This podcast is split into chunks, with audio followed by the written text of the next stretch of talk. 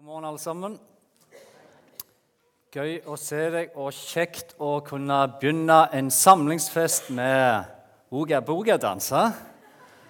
Det var veldig kjekt. Det kom litt overraskende, så jeg var ikke helt klar for det. Men jeg heiv meg på, og det gikk så det gikk.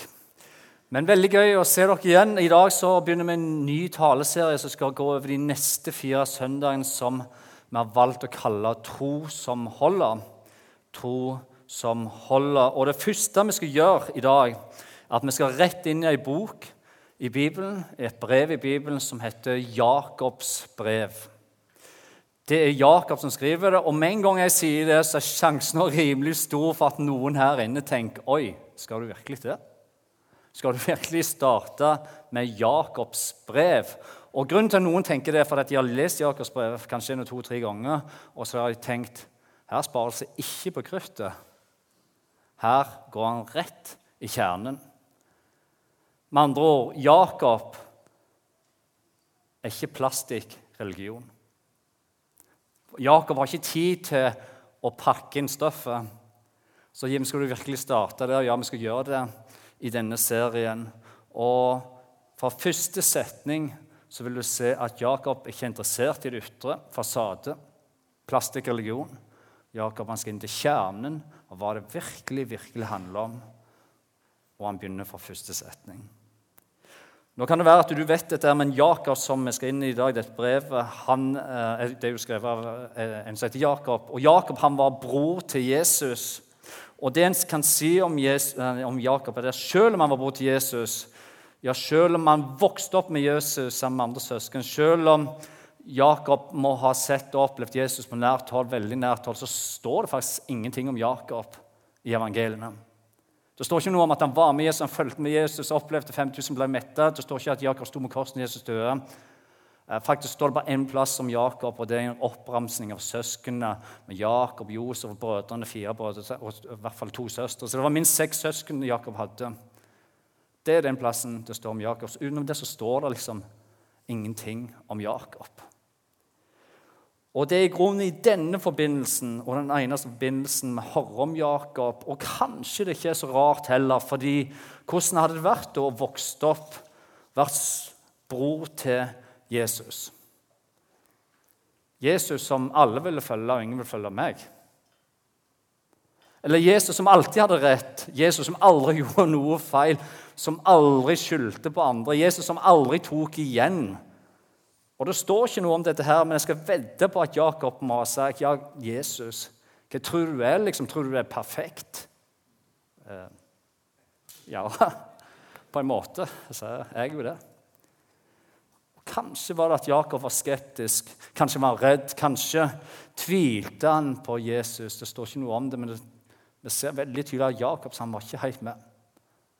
Han holdt seg i bakgrunnen, på avstand, var ikke nevnt en plass. Og det virker som han holdt seg langt, langt borte. Men så plutselig Plutselig så endrer alt seg. Og plutselig ble Jakob en helt annen. Og Grunnen til det er pga. Jesu oppstandelse.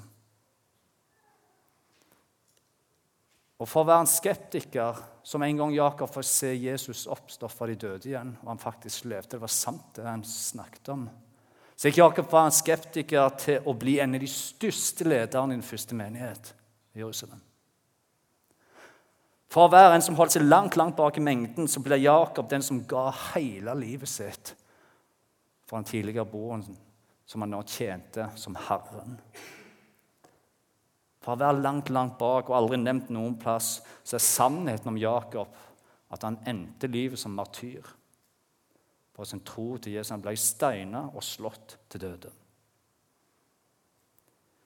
Tingen er den at I Nye Testamentet så er det Nye Testamentet er en samling av 27 bøker, og det er brev her inni. og Halvparten av disse er skrevet, sånn cirka skrevet av en mann som heter Paulus. Og Det Paulus gjør når han skriver i sine brev, er det at han alltid bruker lang lang tid. Det er liksom det første kapittelet i nesten alle brev her, om du er Filippa-brevet, Feserbrevet, Konterbrevet, hvor enn det Galaterbrevet, så handler det om at Paulus han møter den som skal lese det, og han omfavner den som skal lese det. Han er varm, han er god. og Det er typisk han ville starte dette, du kan bare sjekke det opp. Nåde være med dere. barmhjertighet og fred fra Gud, vår Far i Kristus, vår, ja, vår Herre. Det gir meg stor glede å høre om deres tro, det gir meg stor glede å høre om deres iver. Ja, hver gang jeg tenker på dere, så og så videre og så videre. og så videre. Det er bare Paulus fortsetter og fortsetter å omfavne leseren. Der starter Jakob sitt brev etter å presentere seg en kort setning, så skriver han sånn. Se det bare som glede, søsken, når dere møter alle slags prøvelser. Lykke til. Med andre ord, Jakob bruker ikke mange ord. Han legger ingenting imellom, for å si det sånn. Det er rett på sak, og her må du velge. Så det vi skal gjøre i dag, vi skal begynne med å stille dere et spørsmål. Og Spørsmålet vi skal stille oss i dag, helt innledningsvis er dette her. et spørsmål. Har du noen gang fått et råd Det er ikke vanskelig spørsmål. Har du noen gang fått et råd fra en ekspert? En som kunne noe, som visste noe. Har du noen gang søkt råd hos en ekspert? F.eks. når du går til legen. Hvis legen gir deg en resept og sier 'ta dette', hva gjør du med den resepten? Jo, du går til apoteket. Gjør du ikke det? Gjør, er det normalt? Du tar resepten, du lytter han sier, og så gjør du det han sier du skal gjøre for å bli frisk. Stemmer ikke det? Jo. Det stemmer det? Jo, vi gjør det. Altså, Vi hører, og så gjør vi det fordi vi vet at ja, det er sånn det funker. dette her. Eller si at du traff Marit Bjørgen og du lurte på hvordan er det mulig å bli så gjennomtrent som Marit og så god som Marit Bjørgen. Og idet du lurer på dette, herrene, og du står der og snakker med Marit Bjørgen, så plutselig tar hun opp ei bok som står 'Sunn kosthold og daglig mosjon'. Det er, motion, det er liksom, hun har skrevet en bok som heter det. Og så sier Marit Bjørgen her er løsningen. Les denne, så kommer dette her til å bli kjempebra. Og Når du da treffer Marit Bjørgen ca. en måned senere, og hun kommer opp til å spørre hvordan går dette Å, vet du hva? Jeg leste den boka, og jeg, jeg klarer ikke å legge meg for Hun var så fantastisk bra, den boka di, Marit. Og det var faktisk så bra at jeg valgte å samle en gjeng med venner uke etter uke. Så vi bare leste boka de sammen over et måltid med bacon og pannekaker, vafler og is og lapper fylt med krem før vi avslutta med brownies og marshmallows som var dyppa i sirup med litt jordbær på toppen. Og det første Mari ville si da, er OK, um, seriøst, men gjør dere noen ting av det som boka mi sier at dere skal gjøre? da? og du sier nei, nei, nei, nei, nei, nei, nei, nei. det vil jo være altfor mye for saken for livet mitt. Og gjør det du ber oss om å gjøre. Så det gjør vi ikke. Men, men vi skal fortsette å ha samlinger sammen. Vi skal fortsette å lese i sammen. For det er så mye bra der. Tror du Marv ville vært fornøyd da? Tror du hun synes å si 'bra jobba, broder'? Trofaste og gode. Nei, jeg tror ikke Mari ville sagt det. Nei, hun ville ikke sagt det, og Grunnen til hun ikke ville sagt det, var fordi Marit ikke ville at vi skulle bare lese ordet hennes. Hun ville at vi skulle gjøre det hun skrev. Eller som her for to uker siden, sønnen min og David og jeg skulle male huset hjemme. Og før vi begynte, David er 18 år nå, så før vi begynte, så gikk vi sammen og vi la en plan sammen. og Jeg sa til han, her er den kosten, det bruker på sånn, og det skal brukes kosten sånn. Her er sånn teip du bruker i vinduene. Og det er ikke det han ikke malte for, men jeg, jeg, gjorde det for jeg var redd for vinduene. sant? Og så dekker du her med plastikk, og så maler du på den måten, og ikke for mye på kosten, osv. osv. Jeg fortalte han dette er viktig at du gjør. Dette er smart.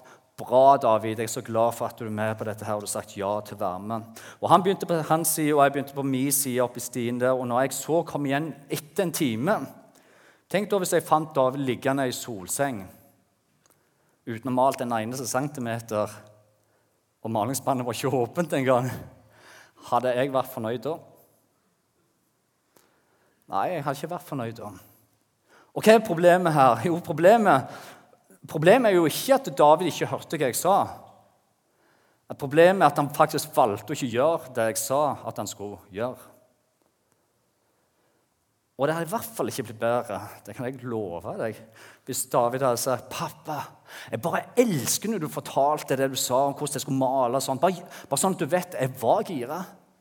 Jeg ble så utrolig inspirert når jeg hørte den der talen din.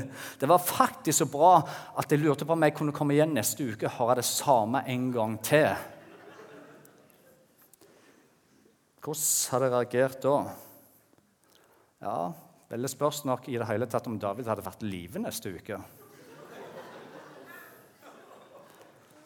Fordi Jeg vil ikke at David skulle bare være en ordets hører. Jeg vil jo at David faktisk skulle gjennomføre det som jeg sa han skulle gjøre.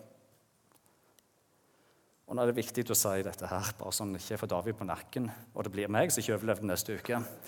Men David han var med og malte. Han gjorde en kjempejobb. Han la seg ikke på solsenger, men han malte hele veggen. bare så det er sagt, ok? Men poenget er det at det virker faktisk som om Gud tenker det samme her. For, bare, bare, se hva Jakob skriver i, kapittel 1. her. Han sier dere må ikke bare gjøre, høre det ordet sier. Ikke bare høre det. Dere må gjøre det. Dere må gjøre det ordet sier, ikke bare høre det. Hvorfor ikke? Nei, Ellers så vil dere bedra dere sjøl. Så Jakob han går rett inn i kjernen og han bårer det inn og sier at en tro som hører, men som ikke gjør det han hører, er en tro som ikke virker, og som ikke holder. Fordi Gud vil ikke være bare at vi skal være hørere av ordet. Han skal være mennesker som gjør det han sier. Er det en beskrivelse av deg? Jeg mener ikke 100% perfekt, selvsagt. For vi er alle ting som vi må jobbe med i livet vårt. Men er dette en gjennomgående strøm i livet ditt? Er pulslagen i livet ditt? Er du en som gjør det som Guds ord sier? For bare hør hva Jesus sier videre i Matteus 7. Han sier dette.: Hver den som hører disse mine ord og gjør det de sier, ligner en klok mann som bygde huset sitt på fjellet. Regnet styrte, elven de flomma, og vinden det blåste og det slo imot huset. Men det falt ikke fordi det var bygd på fjell. Og så fortsetter Jesus å si han, men hver den som hører disse ord og ikke gjør det de sier, ligner en uforstandig mann som bygde huset sitt på sand. Regnet styrta ned, elvene flomma, vinden blåste og slo mot huset. Da falt det, og fallet var stort. Og det Jesus gjør videre i, i denne historien, er at han bruker et bilde. Og så sier han til oss dette her. Hør, jeg vil at du skal vite dette. At i ditt liv så vil det komme tider eller situasjoner, og det vil føles som om vinden bare blåser rett imot deg, og stormen og bølgene bare slår inn i livet ditt. Og når det skjer, sier han Når flommene kommer og regnet pøser ned, så vil det viktigste spørsmålet i ditt liv være hva er mitt liv bygd på? Hvor og hva er grunnmuren i mitt liv? Og Så viser Jesus oss i historien veldig veldig praktisk forskjellen på den som blir stående, og den som ikke blir stående.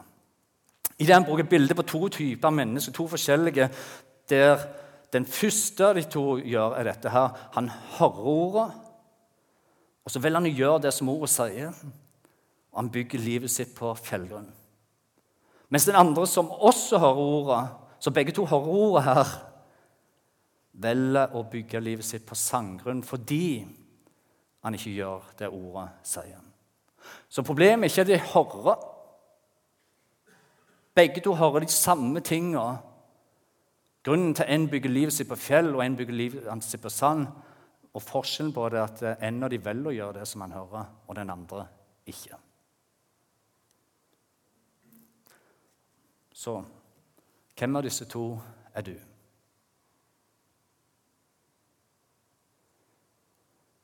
Og Kanskje har du også områder i livet som dette her, der du vet hva Bibelen sier, og du vet hva som er sant. Du har hørt det som tienden, f.eks. Eller du vet hva Bibelen sier om sinne. Eller uvettig bruk av alkohol. Du vet hva Bibelen sier om seksualsynd. Du vet hva Bibelen sier om samliv, hva som er rett form på et samliv. Eller kanskje du vet at Bibelen snakker ganske mye om det å baksnakke og dømme andre mennesker. Du kan ikke tale om dette her hundrevis av ganger. Du har lest bibelvers om dette, men allikevel så opp til nå så stopper det med å høre. Eller kanskje noe i ditt liv Kanskje det er noe i ditt liv som du bare vet at Gud ønsker at du skal gjøre. Det kan være at han har bedt deg om å invitere noen. Hjelpe noen som andre som trenger de hjelp. Kanskje det handler om å finne sin tjeneste. Eller legge av deg noe som har vært negativt over lengre år, tid for så å omfavne det nye. Men du har ikke gjort det ennå. Du vet det er der, for du har hørt det, men du har ikke gjort det ennå. Jakob han fortsetter, og så skriver han dette her. For, for den som hører ordet, men ikke gjør det ordet sier, ligner en mann eller en kvinne som ser på ansiktet sitt i et speil. Han ser på det, og han går så videre sin vei og glemmer straks hvordan han så ut. Her i sommer så snakket jeg med en god venn av meg som har vært venn med meg i mange mange år. Han har vært leder i menighet og veldig veldig sentral i en menigheten plass i mange mange år. Og Spørsmålet han stilte meg, var dette her. Jim, hvordan kan jeg fortsette å vokse i min tro? For det virker som alt har stoppa helt opp. Det er ikke mye liv igjen. Og Grunnen til han stilte meg det spørsmålet, var fordi han holdt på å gi opp hele tjenesten og trekke inn årene. Vel, her er greia. Jeg skal vedde på at uansett hva jeg hadde sagt om å lese mer i Bibelen, om å søke Gud i bønn, om å finne en hvilepuls, om å våge å sette seg sjøl til side og lytte til Gud, om å endre livsrytmen osv. Uansett hva jeg hadde sagt, så hadde han hørt dette her mange, mange ganger før. Mange ganger før. Så spørsmålet handler ikke om han hadde hørt det, men spørsmålet handler om er du villig til å gjøre det. Når Jakob skriver om å se seg sjøl i et speil, som han gjør her, og straks glemme hvordan jeg ser ut, så er ikke poenget til Jakob de ytre tingene her, hvordan vi ser ut, om håret er fint, eller om sminken er på plass. Det Jakob snakker om her, handler om at altfor mange mennesker dessverre er mye mer opptatt av de ytre tingene. Av håret skal være på plass, og sminken skal være på plass. Mens det indre åndelige livet, når han ser seg i speilet, så bare han ser det, og så går han bort. Med andre ord når hår står på hytta hver morgen, eller sminken ikke er på plass, så velger vi å gjøre noe med det fordi vi skal møte noen andre mennesker og vi ønsker å møte andre mennesker litt sånn, og ikke sånn som vi med en gang vi står på senga. Det Jakob skriver om. Altfor mange mennesker står opp av senga, se seg sjøl i speilet åndelig sett. Men de vil ikke gjøre noe med det åndelige livet sitt. Og tingene er dette her det er ting som jeg òg strever med i mitt liv. Fordi jeg vet veldig godt hva Bibelen sier om det å være tålmodig og tålmodighet. Om å møte de rundt meg med tålmodighet. Og allikevel, som noen ganger trafikken, så er det liksom byrde, og jeg har lyst til å trykke helt i bånn og ikke være tålmodig. Eller jeg vet veldig godt hva Bibelen sier om det å takke Gud daglig.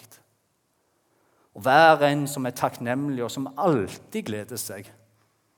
Jeg vet det veldig godt. Og Allikevel, så bare for noen få dager siden her uka, når jeg var hjemme jeg var rimelig stressa og jeg var rimelig trøtt, så ender det opp med at David og ungene plutselig stopper meg og sier 'Pappa, hvorfor er du så sur?' Og jeg går ut inn på badet, ser meg i speilet, og det er helt sant. Sur, liksom? Er jeg sur? Eller jeg vet veldig godt hva Bibelen sier om å elske min neste som meg sjøl, og til og med elske mine fiender. Jeg har lest jeg har hørt tale om dette hundrevis av ganger.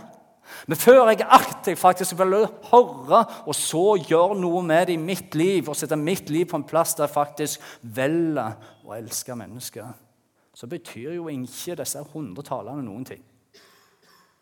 Ingenting. For det Jakob snakker om, å ta det en og produsere til å bli gjør.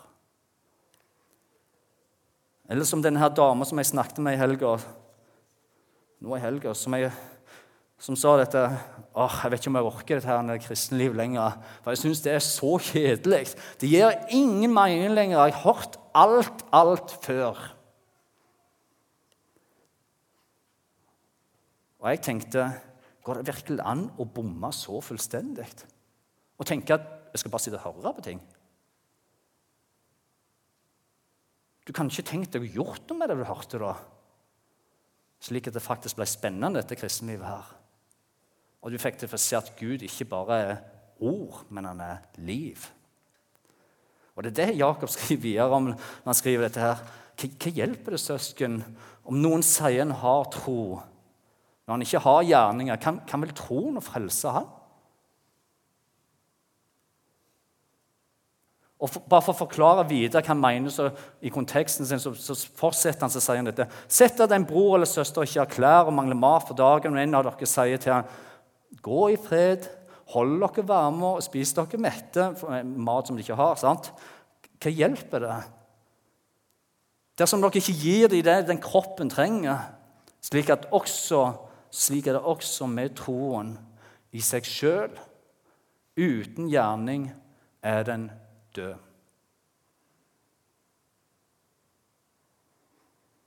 Og nå ser jeg noen øyne som går opp, og noen som tenker 'what?'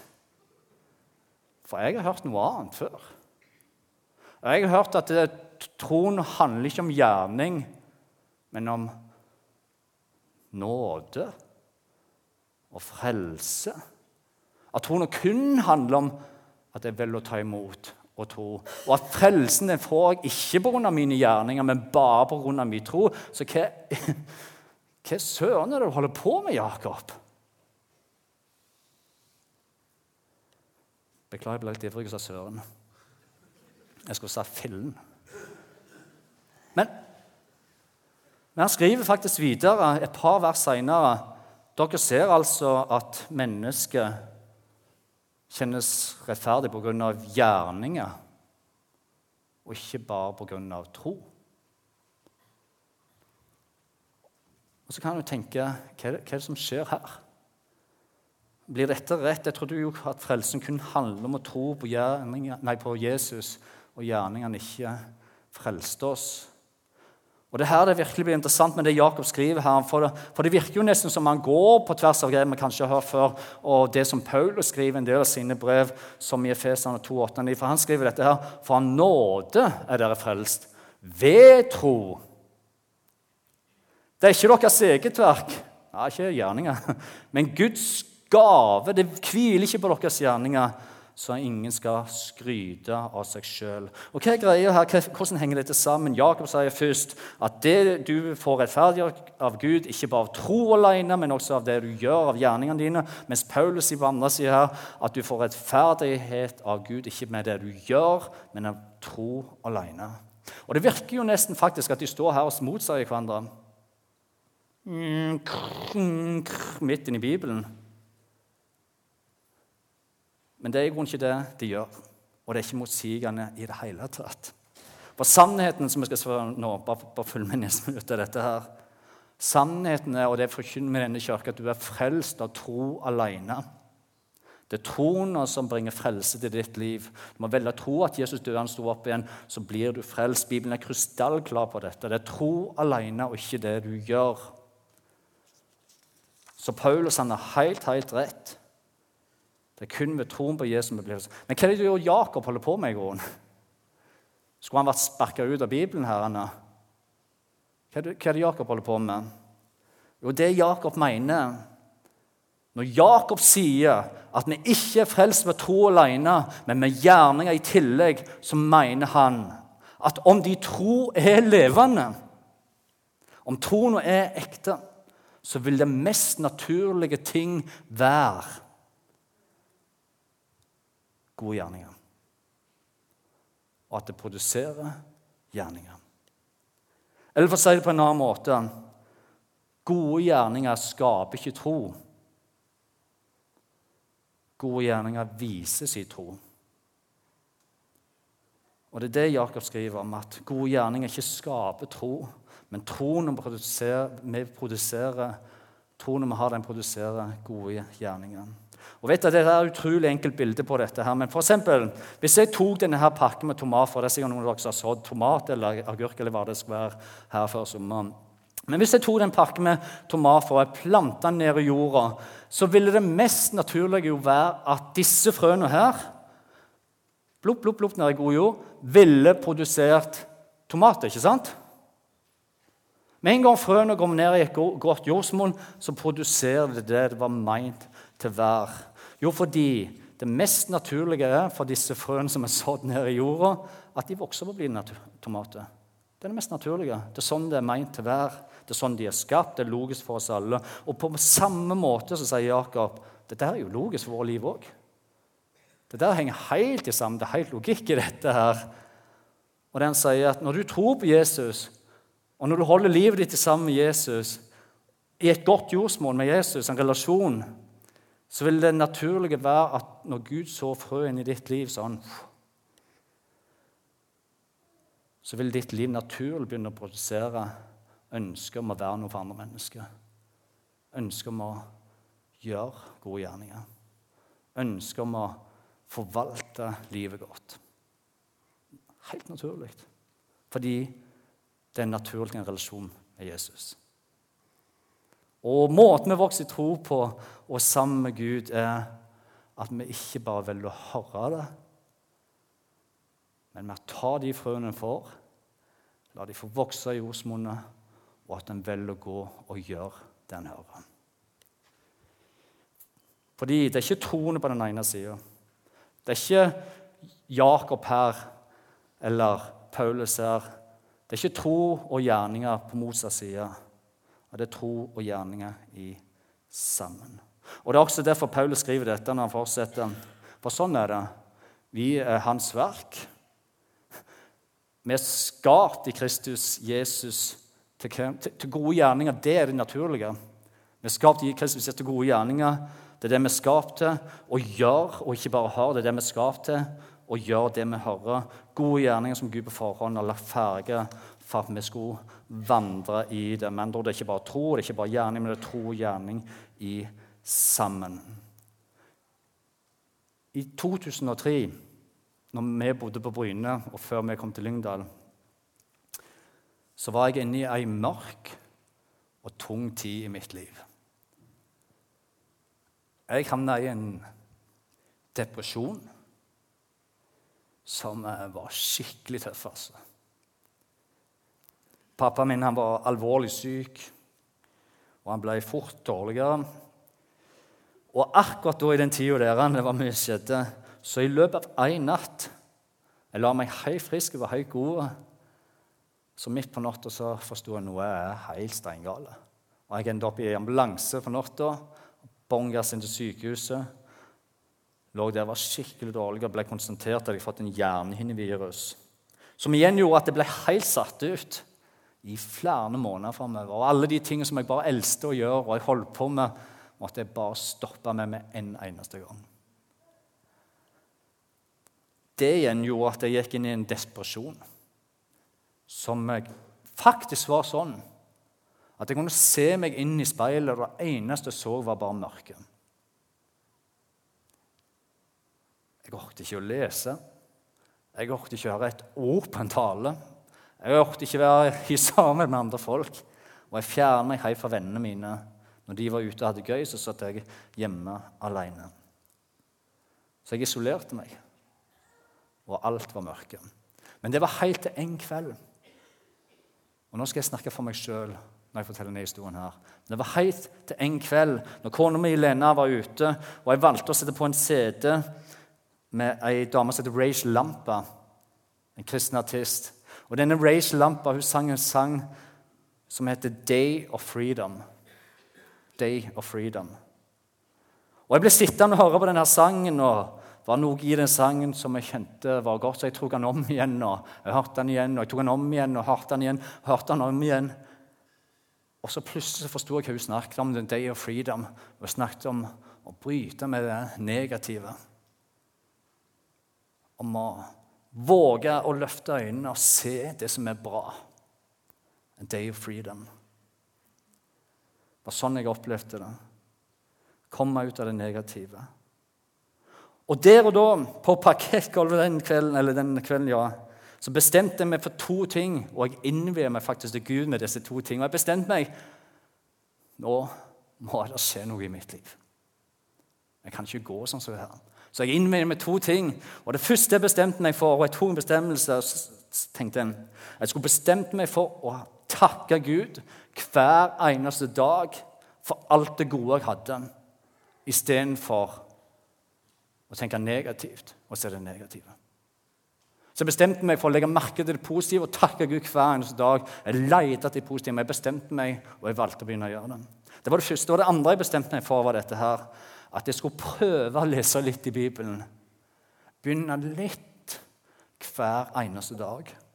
Og samtidig mens jeg gjorde det, skulle jeg spørre meg sjøl hva er det Gud ønsker å si til meg i dette.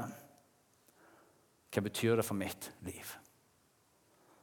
Og Jeg ba Gud disse bønnene om at jeg ikke skulle bare høre, men jeg skulle begynne å gjøre det. Og Hvorfor sier jeg dette nå i dag? Jo, fordi her er det jeg lærte tilbake til den kvelden i 2003, at noen ganger i livet så vil en helt ny åndelig fornyelse skje i ditt liv og mitt liv. Gud han er ute, han ønsker å fornye oss. Han ønsker å plante nye frø i vårt liv, men den åndelige fornyelsen så jeg tenker sånn, Hva er det? For det høres litt rart ut. Jo, det handler om å kjenne at Gud er nærmere, at Gud virker sitt liv. For meg kjente det sånn. Og Nå kan ikke jeg få snakke for noen andre enn meg sjøl, men hver eneste gang jeg har fått lov til å gå inn i noe nytt, en slags type fornyelse i med Gud, jeg bare kjenner at han tar vekk det mørke som han gjorde i 2003, og han starter en ny prosess, handler om at Jim valgte å ta et trossteg.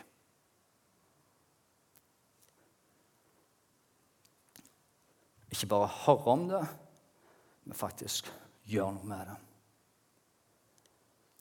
Med andre når, Gud, når du kjenner at Gud kaller, bli ikke stående der du er i livet ditt. Men velg å ta steg ut og møte det som Gud har for ditt liv. Et åndelig steg, kaller jeg den. Inn i noe nytt. En fornyelse. Og Nå vet jeg ikke hvordan det er vi skal stoppe her nå, men jeg vet ikke hvordan det er med deg, men kanskje du er her og du sier vet du hva? Ja, jeg skulle ønske at jeg kunne kjenne Guds nærvær igjen. Det er ikke sånn som det var før. Eller jeg skulle ønske jeg kunne kjenne den samme brannen som en gang kjente mitt liv. Men det virker som Gud er fjernere og fjernere. Eller kanskje du er her og du skulle ønske at kristenlivet var noe mer enn bare fulle unger, lage mat, stress og jag. Skulle ønske jeg hadde en sone der jeg bare kjente at Gud var nær. Vel, jeg vet ikke hva det Jeg kjenner ikke din historie, men jeg vil bare anbefale deg av egen erfaring og mange ganger i mitt liv ta et steg. Ta et åndelig steg. Gjør noe med det. Ikke bare sitt og hør, men gjør noe med det. Og Kanskje det handler for deg om å ta leseplanen da, og fullføre 32 dager der du forplikter deg til å si dette skal jeg gjøre. Lese i 32 dager. Eller jeg kan love deg at noe kommer til å skje innsiden i livet ditt. Jeg kan love deg at Gud kommer til å møte deg gjennom Jesu plan. Men du, du, må, du må kanskje bare høre det. Du må velge å gjøre det ta et åndelig steg. Eller kanskje for det handler om å bekjenne noe synd som du strever med, som ligger i livet ditt. Du bare kjenner det øyelige ditt indre. Vel, du må gjøre noe med det. Du kan ikke bare høre. Du må velge å ta steget to. Bekjenne, legge det bak deg.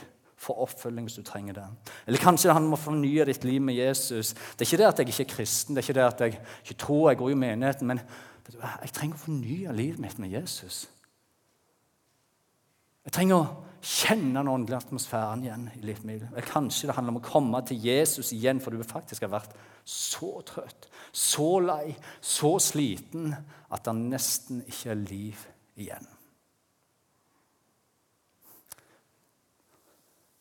Ikke bare hør.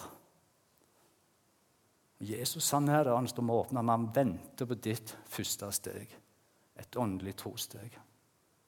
Det er ei tro som holder. Ta nye steg i fornyelse. Amen. Amen. Skal vi ta oss opp litt sammen til slutt? Gode Far i himmelen, vi bare takker deg, Herre, for den serien som vi er i gang med, Herre. Og det handler om tro. Og så går vi rett inn i Jakobs brev, som ikke ja, Han kjører i hvert fall på, og han sier ting som det er. Og han legger ingenting imellom, men det er jo bare fordi han ønsker at vi skal komme oss videre i livet vårt. Om vi ikke skal stoppe opp. Og Herre, takk for at du kom. Takk for at du valgte å bøye deg ned. Takk for det handler om tro, og det handler om å frelse, Herre. Frelse alene gir troen, Herre. Og Hver eneste dag kan vi møte deg med nåde fordi vi tror på det. Så det handler ikke om gjerninger. Ikke i det hele tatt. Men det handler om å leve et trosliv, ta gode valg, slik at en faktisk får lov til å være det privilegiet. Din ambassadør. Hva tenker folk når de ser på mitt liv? Hva tenker folk når de møter meg? Jeg er en som bærer ditt navn, Jesus. Jeg er en som møter alle rundt meg med kjærlighet og omsorg. Oh, ja, men jeg sliter med dette. Jeg kjenner at dette er så vanskelig. Dette har slitt meg i mange år. Ja, ta to steg sammen med Jesus. Og Jeg takker deg her for det er det du inviterer oss til. Ei tro som holder livet ut. Men ikke bare ord, men ei tro som er levekraftig, bærekraftig, som er liv i. Slik at de ordene vi sier, de smelter andre i hjertet slik at de tingene vi gjør, blir lagt merke til. Så jeg ber for vår liv, alle vi som er her inne. La oss ta gode steg i tro imot deg, slik at vi får innflytelse og kan vise hvem du virkelig er. I Jesu Kristi navn takker vi for denne gudstjenesten. Takk for det som du gjør nå.